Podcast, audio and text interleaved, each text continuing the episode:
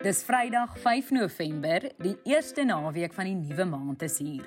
Maar voor jy eers aan naweek kan dink, wil ek jou net gou op hoogte bring van hierdie week se belangrikste nuusgebeure.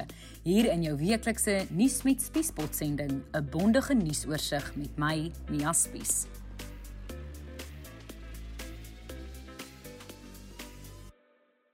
In 'n netedop is die uitslag van die munisipale verkiesing verklaar. Magashule se saak is tot Februarie uitgestel. Daar was 'n skerp stygings in die brandstofprys. In COVID-nuus is die Wêreldgesondheidsorganisasie bekommerd oor die COVID-syfers in Europa. 'n Vermiste 4-jarige dogtertjie in Australië is gevind. COP26 het miljarde rand beloof om Suid-Afrika groener te maak en een van ons eie skrywers het 'n gesogte boekprys gewen. Net voor ons begin, onthou jy kan elke Vrydag hierdie podcast direk in jou WhatsApp inbox kry. Druk net op die skakel in die plasing hierbo. Die onafhanklike verkiesingskommissie het gisteraan die resultate van die 2021 plaaslike regeringsverkiesing bekend gemaak, nadat 12,3 miljoen landsburgers maandag hulle kruisies getrek het. Die voorsitter van die verkiesingskommissie, Glen Mashinini, cleared 290 objections after investigations and its deliberations. The Commission is pleased to announce that it has satisfied itself that the conditions for free and fair elections were met and that the results for 213 councils are declared as final. Hier is die nasionale oorsig. In terms of the 213 municipalities we, uh, that uh, were contested, the African National Congress achieved a majority of 161 municipalities.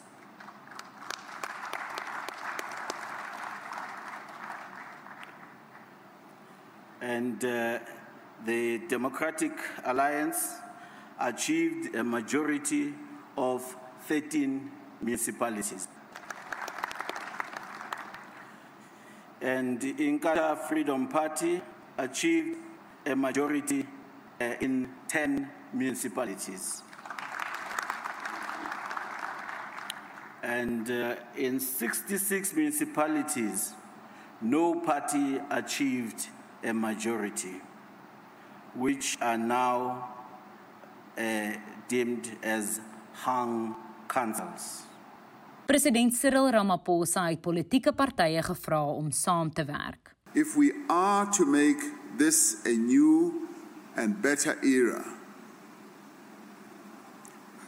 we as leaders must put aside our differences and work together in a spirit of partnership, of cooperation, of collaboration and common purpose for, in the interests of the people of South Africa.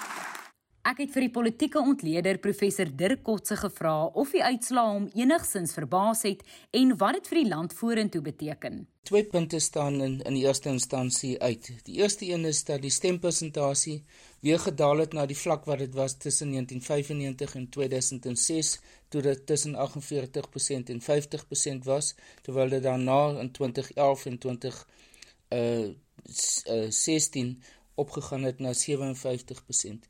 Uh, so dit is 'n 'n nuwe wel is dit herhaling van 'n ou tendens uh, wat in die eerste jare van plaaslike regering bestaan het. Um, die tweede belangrike punt wat uitstaan is is die dramatiese daling van die ANC se ondersteuning wat ook teruggaan na tendense wat reeds in 2019 se nasionale en provinsiale verkiesings begin ontwikkel het, uh, veral in KwaZulu-Natal waar die ANC 10% steun verloor het, sowel in Gauteng waar die ANC net 'n meerderheid van 1 setel in die provinsiale regering gekry het.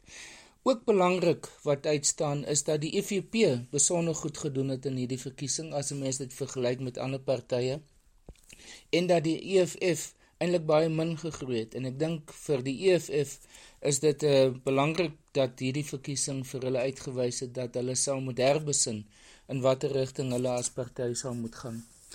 Wat beteken dit vir die toekoms?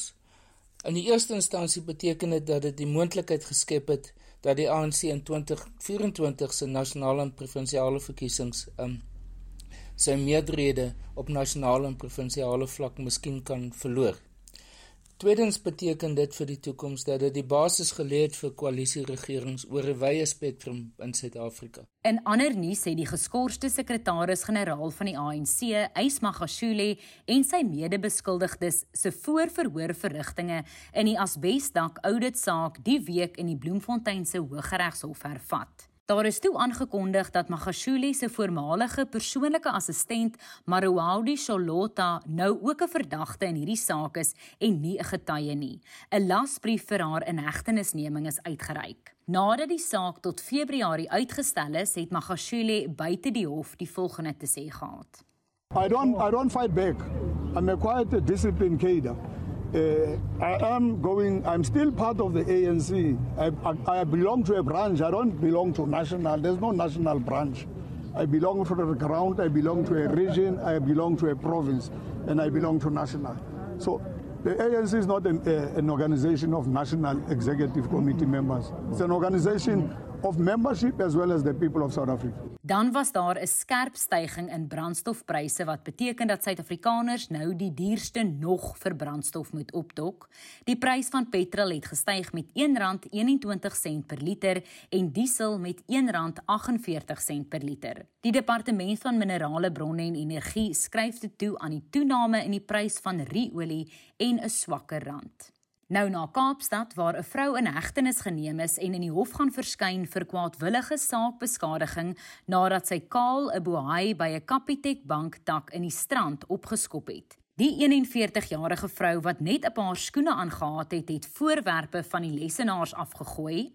Luister hier na 'n klankgreep van die video wat nou al wyd op sosiale media versprei is.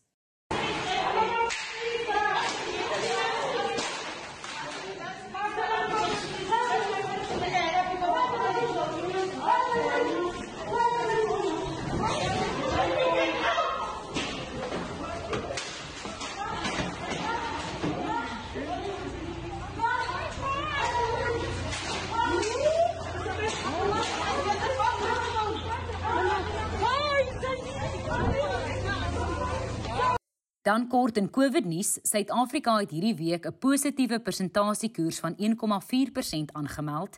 Dit is die laagste sedert die begin van die pandemie. Terselfdertyd het die Wêreldgesondheidsorganisasie hulle ernstige kommer uitgespreek oor die tempo waarteen koronavirusinfeksies in Europa styg. Hier is Dr Hans Kloege, die streeksdirekteur van die WGO in Europa. Today, every single country in Europe and Central Asia is facing a real threat of COVID 19 resurgence or already fighting it.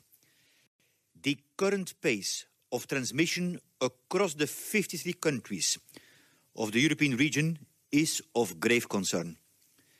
COVID-19 cases are once again approaching record levels. Nou na Skotland waar die COP26 beraad oor klimaatsverandering tot volgende week plaasvind. Een groot aankondiging vanuit Glasgow is dat die wêreld se groot ekonomieë 131 miljard rand aan Suid-Afrika gaan gee vir die uitfasering van steenkool en die infasering van hernubare energiebronne. Dan was koningin Elisabeth veronderstel om na Glasgow te reis om by die beraad te praat, maar nadat sy verlede week vir waarneming in die hospitaal opgeneem is, kon sy dit nie doen nie. Sy het wel 'n opname van haar boodskap na die beraad gestuur. The time for words has now moved to the time for action. Of course, the benefits of such actions will not be there to enjoy for all of us here today. We none of us will live forever. But we are doing this not for ourselves, but for our children and our children's children and those who will follow in their footsteps. Nou na Australië waar 'n vermiste 4-jarige na 18 dae gevind is. Cleo Smith is 16 Oktober uit haar tent by 'n kampeerterrein ontvoer. Hier is 'n klankgreep van die oomblik toe die polisie haar opgespoor het. I got it. I got it.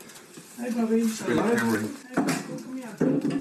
Come here. I got you, Bobby. What's your name? You're all right. What's your name? What's your name, sweetheart? My name is Cleo. Your name You're all is right. Cleo. Hello, Cleo. Die 36-jarige beskuldigde Terrence Darryl Kelly het reeds in die hof verskyn. Terug hier op eie bodem met die Suid-Afrikaanse skrywer Damon Galgut se jongste roman The Promise die gesogte Booker Prys gewen. Hy is die derde Suid-Afrikaner om hierdie prys te wen. This has been a great year for African writing and I'd like to accept this on behalf of all the stories told and untold, the writers heard and unheard from the remarkable continent that I'm part of. Nou dat jy op hoogte van sake is na hierdie kort week, is jy reg om te gaan naweek hou. Nuus met Spiese se produksie en samewerking met die Potgooi Produksiehuis Volume. Ons vervaardigers is Roland Perolt, Andy Siwe May en Karen Blau. En ons kenwysie is hier Curtis Kahl gekomponeer. Ek en jy gesels dan weer volgende Vrydag, selfde tyd, selfde plek.